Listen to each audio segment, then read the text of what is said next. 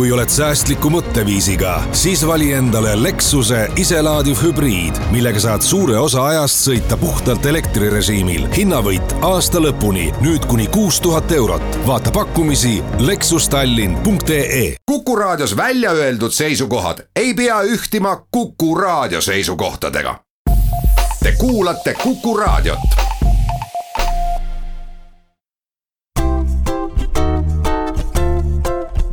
patsiendiminutid.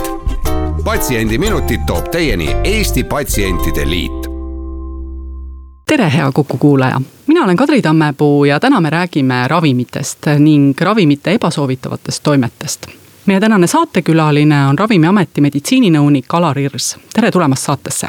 tere no mida üks äh, meditsiininõunik Ravimiametis igapäevaselt teeb, et millised need ülesanded on, mida Ravimiametis täita tuleb? ma arvan, et meditsiininõuniku põhiline ülesanne on vaadata, et äh, see, mida Ravimiamet teeb ja soovitab, et see oleks selline mõistuspärane ja rakendatav ka päris meditsiinis, ehk et me ei annaks ebapraktilist nõu. ja igapäevaselt äh, tegutsed sa vist arstina, nii et ähm, selles mõttes saad sa võib-olla natuke paremini aru kui keskmine ametnik, et mida arstid ootavad igapäevaselt ma olengi arst ja päris täiskohaga südamearst väga hää. mõned aastad tagasi äh, rääkis Perearstide Seltsi tollane juht äh, Diana Ingerainen, et krooniliste haigustega eakamad inimesed meil Eestis ja mujal Euroopas erinevad selle poolest, et Euroopas teavad patsiendid üldiselt justkui paremini, millist ravimit nad mille jaoks võtavad ja mida see ravim võib endaga veel kaasa tuua. kas ma teen praegu Eesti inimestele liiga, kui ma ütlen, et olukord on meil kehvem kui mujal Euroopas? ma vähe olen praktiseerinud mujal Euroopas, et kindel on see, et patsiendid on hästi erinevad. et osadel inimestel on väga-väga hea ülevaade oma haigusest või haigustest ja selle ravist. ja teised inimesed loodavad, et, et arst ja, ja tervishoiusüsteem võtab kogu vastutuse ja hoole nende eest ja, ja pigem ei tahagi midagi teada aga kindlasti viimasel ajal näeb rohkem neid inimesi, kes, kes tahavad teada ja tahavad olla osa otsustest, mis nende ravis tehakse. mõnikord, kui inimesed äh, hakkavad mõtlema, et äh, tahaks olla ka osaline ja ka otsustada, siis äh, võivad nad ka mõned ravimid võtmata jätta. nimelt kevadises ravimite kasutamise küsitluses, mida viis läbi Faktum, seal küsiti ka ühe küsimusena, et kas inimesed kunagi muudavad oma raviskeemi ise ja umbes üksteist protsenti protsenti ütles, et nad mõnikord seda teevad ja põhipõhjus, mis siis välja toodi, oli see, et meeste puhul oli see kõige sagedasem, et korraga võtmiseks on ravimeid liiga palju.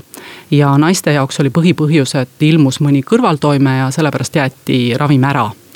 kas tunduvad need vastused sulle kuidagi üllatavad ka?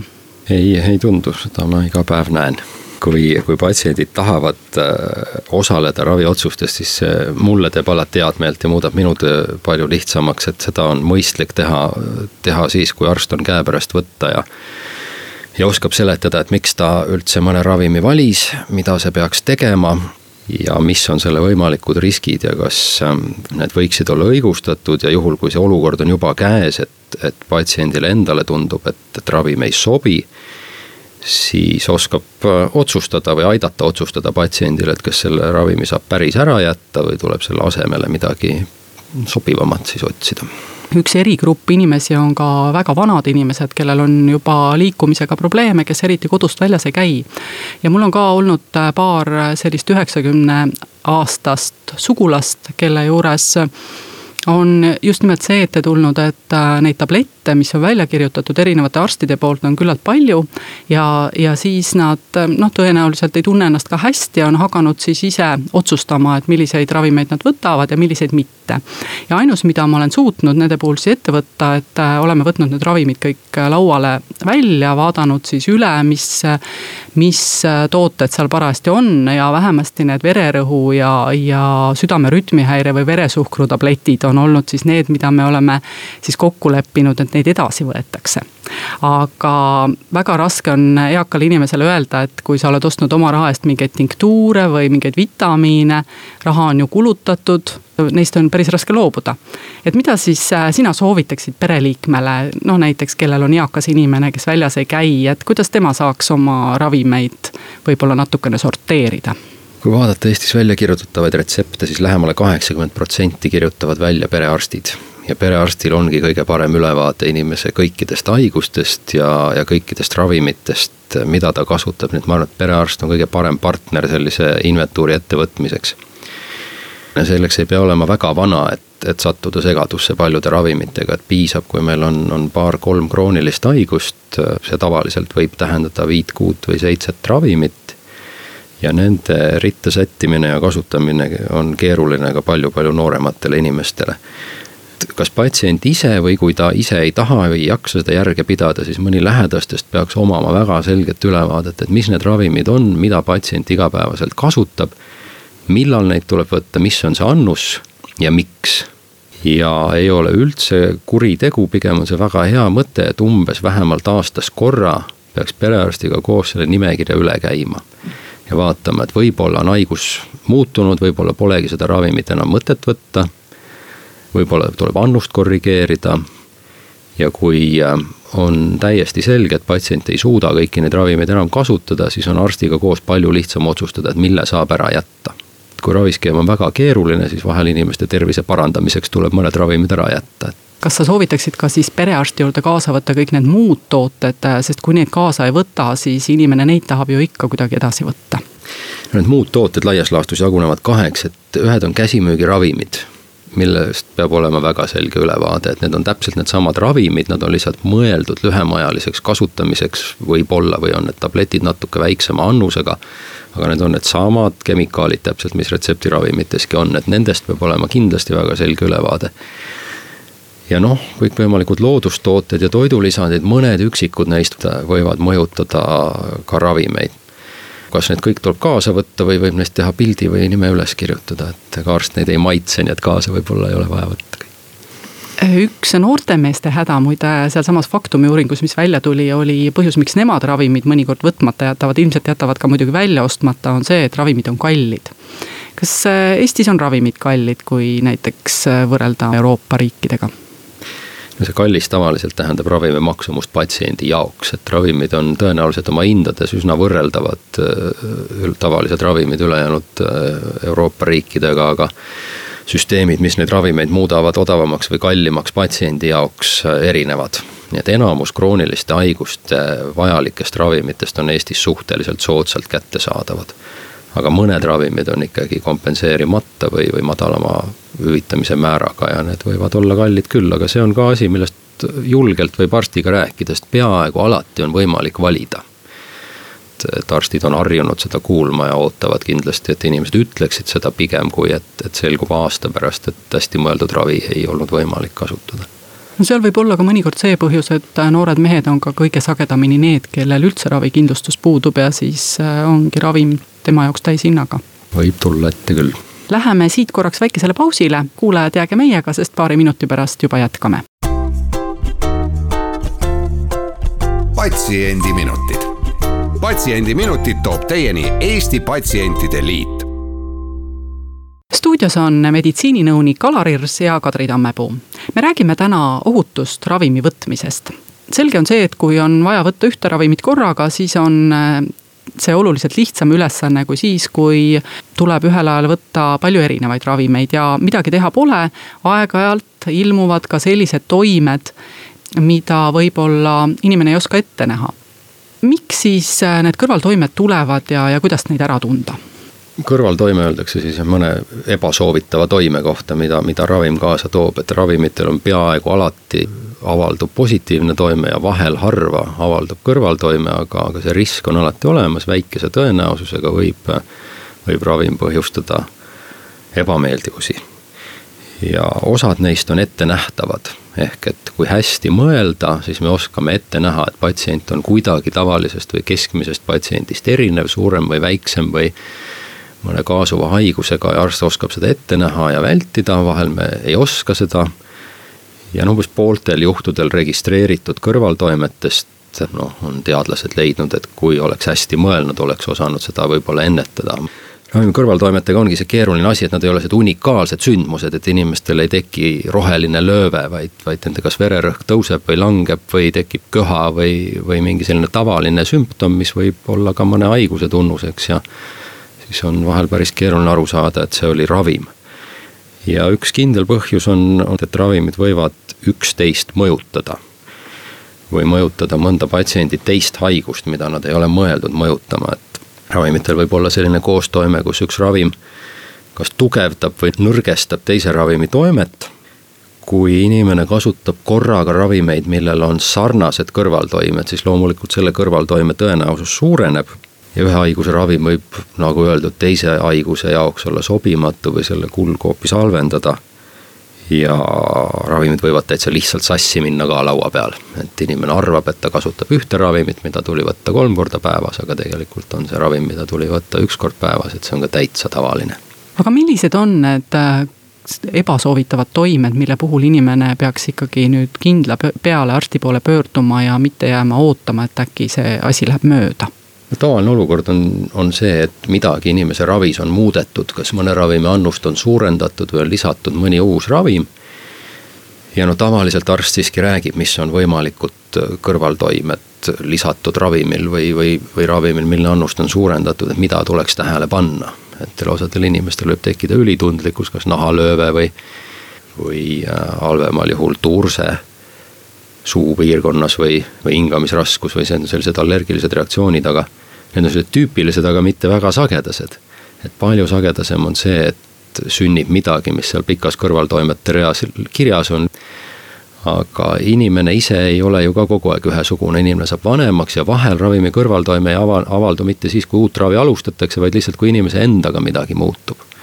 Ja eriti suur on see risk nendel inimestel, kes paljusid ravimeid korraga peavad kasutama, et sellised tüüpilised olukorrad on siis, kui krooniliselt ravimeid kasutav inimene jääb ägedalt haigeks. näiteks kõrge palavikuga või kõhulahtisuse või oksendamisega kulgevad haigused teine tüüpiline koht on, kui inimesel, kes kasutab paljusid ravimeid krooniliselt, alustatakse antibakteriaalset ravi. või see võib mõjutada mõnda ravimit, mida inimene juba kasutab. No see on näiteks siis need antibiootikumid. just, ja siis sellised üllataval kombel ohtlikud olukorrad on veel haiglasse sattumine ja haiglast jälle väljapääsemine. sest et inimestel on mingisugune ravi, mida nad on krooniliselt kasutanud, siis korraks haiglasse ravi muutub inimene saab jälle tervemaks, ta läheb haiglast välja, tal on kodus ravimi tagavara, mida ta on harjunud kasutama. ja siis on haiglas midagi sinna lisatud, et, et need on olukorrad, kus vahel läheb info kaduma. Ja noh, käsimüügist saadaolevatest ravimitest on, on sellised tavalised, no inimesed kasutavad valuvaigistitena ibuprofeen ja diklofenak, et kui keegi neid otsustab hakata kasutama käsimüügiravimeid pikaajaliselt, et siis need on väga tavalised ravimid, mis annavad teiste eriti südame-veresoonkonna haiguste ravimitega koostoimeid aga kuidas haiglas täna üldiselt praktika on, et kas ähm, arstid äh, ikkagi küsivad ka, et milliseid ravimeid te veel võtate või vaatavad digiloost äh, retseptikeskusest näiteks. et kui nüüd inimene koju läheb, siis talle jagatakse ikkagi õpetussõnad kaasa Eestis on olukord muidugi väga hea, sest meil on retseptikeskus, me saame hea ülevaate, mida patsiendil on välja kirjutatud ja mida ta on välja ostnud, sageli on seal väga palju ravimeid. ja on selge, et patsient neid kõiki ei võta. Ja siis me muidugi alati küsime patsiendi käest, et mis ravimeid ta kasutab, aga mul on mõned kolleegid, kes viskavad kurja nalja sellel hetkel, et, et noh, inimesed tavaliselt pangas ei vasta küsimustele niimoodi, nagu nad vastavad küsimustele, mis puudutavad nende ravimeid, kuigi tervis võiks olla olulisem kui mainevara, et, et inimesed sageli ei tea, mida nad seal kodus täpselt kasutavad, kui palju nad kasutavad ja, ja miks nad neid ravimeid kasutavad. Ja noh, natuke sõltub, mis põhjus on patsiendil haiglasse sattuda, et kui patsiendil on mõni sisehaigus, siis tehakse tema ravimitest sageli väga põhjalik äh, inventuur ja, ja reguleeritakse need kõik kenasti paika, kui ta läheb haiglast välja aga kui see on tema krooniliste haigustega täiesti seostamatu protseduur, äh, reielumurd et siis ei pruugi see inventuur seal nii põhjalik ja, ja hoolikas olla. kui nüüd ähm, mingid ebasoovitavad toimed äh, inimesel ikkagi järsku esile tulevad, äh, siis äh, esimene võiks siis olla perearst, kelle poole pöörduda. jah, see on mitte esimene, vaid see inimene ongi perearst. noh, ravimiametit huvitavad üldiselt ka sellised kõrvaltoimed, mis on tõsisemad patsiendid saavad ise teatada kõrvaltoimetest ka ravimiametile, aga meie neid ei saa ravida ehk et siin on kaks sellist huvi, üks asi on see, et patsiendi tervis jälle korda saaks ja teine on teadmine, millest võib-olla on kasu teistel patsientidel, et millises olukorras täpselt see kõrvaltoime avaldus ja, ja miks. et äh, ka kõrvaltoimetest teatamine on Eestis selline, et patsiendid võivad seda ise ka teha, võivad seda teha apteekri abiga, võivad teha seda arsti abiga. ravimiametist vaadatuna sageli me saame paremat teavet, kui seda teevad koos arst ja patsient enamasti kasutatakse ju müügiloaga ravimeid, see tähendab, et keegi on hinnanud nende ravimite ohutust ja kvaliteeti, aga ikkagi on ravimil kõrvaltoimed, et millest see siis tuleb? ja et nagu ülejäänud äh, arstiteadus ei ole ravimid ja ravimitega ravimine ka kuidagi selline mustvalge. et kui ravimi kasutusele lubamise üle otsustatakse, siis on seal kolm ala laias laastus, mida vaadatakse, ravimi kvaliteet on üsna selline absoluutne. Seda on võimalik hästi kirjeldada, ravimite tootmine on niimoodi reguleeritud aga ohutus ja efektiivsus või ravimi toimivus ja riskid on suhtelised ehk et kui patsiendil on väga kerge haigus, millel on mingid sümptomid, mida me tahame leevendada, siis me ei tahaks näha peaaegu mitte mingisuguseid kõrvaltoimeid.